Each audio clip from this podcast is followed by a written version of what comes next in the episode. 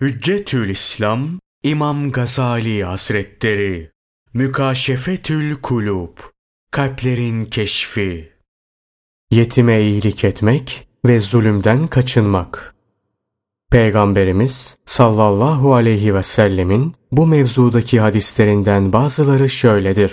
Ben ve yetime kefil olan şu ikisi gibi cennetteyiz. Resulullah sallallahu aleyhi ve sellem bu esnada şehadet parmağıyla orta parmağını işaret ediyordu.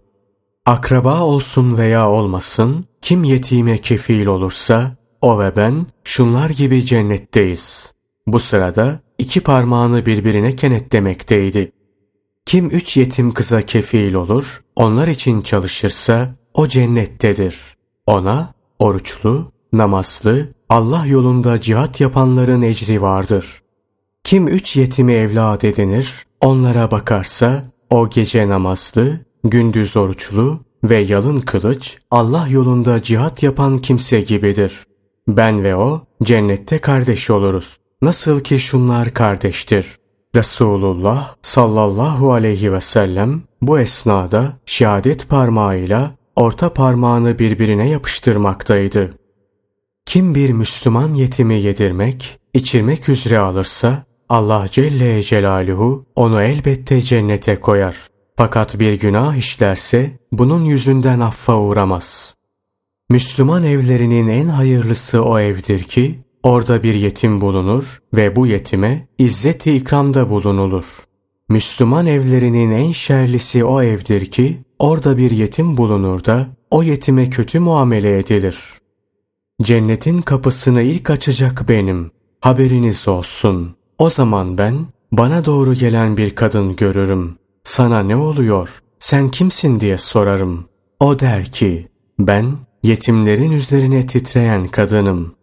Beni hakla gönderene yeminle söylerim ki Allah Celle Celaluhu kıyamet günü yetime merhamet edip mülayim davrananı, aciz ve zayıflara merhametli olanı ve Allah Celle Celaluhu'nun verdiği nimetle komşusuna karşı kibirlilik yapmayanı azap etmez.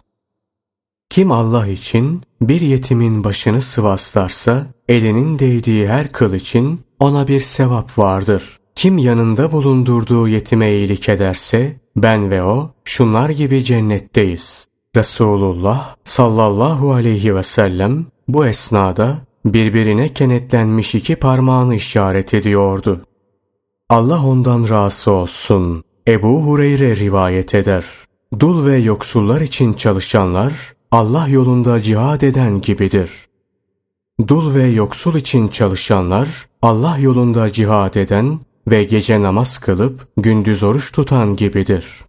Seleften biri anlatır. Ben önceleri bir ay yaştım. Günah işlemekten geri durmazdım. Bir gün bir yetim gördüm. Ona kendi evladım gibi hatta daha fazla ikramda bulundum. O gece yatınca rüyamda cehennem zebanilerini gördüm. Beni şiddetle yakaladılar. Cehenneme götürüyorlardı. O sırada o yetim çocuk peyda oldu. Beni götürmelerine itiraz etti. Zebanilere, durun ben Rabbime müracaat edeyim dedi. Onlar durdular. Biraz sonra bir ses işitildi. Şöyle diyordu. Bırakın onu. O bir yetime ihsan etmiş, onu sevindirmişti. Biraz sonra uyandım. Ondan sonra günah işlemekten uzaklaştım. Yetimlere çok iyilik etmeye başladım. Birkaç kızı olan bir kadın vardı. Kocası ölmüş, bu kadın çocuklarıyla yapayalnız kalmış ve çok yoksul bir duruma düşmüştü. Ar yüzünden memleketlerinden ayrılarak başka bir diyara gittiler. Vardıkları yerde içinde ibadet edilmeyen bir mescide kondular. Kadın çocuklarını orada bırakarak yiyecek bir şeyler bulmak gayesiyle çıktı. Kasabanın ileri gelenlerinden birinin evine vardı. Kapıyı çaldı. Bu evin sahibi Müslümandı. Ona halini anlattı. Fakat ev sahibi fakir olduğuna dair ilmi haber getirmelisin dedi. Kadın ben buranın yabancısıyım dedi ve oradan ayrıldı.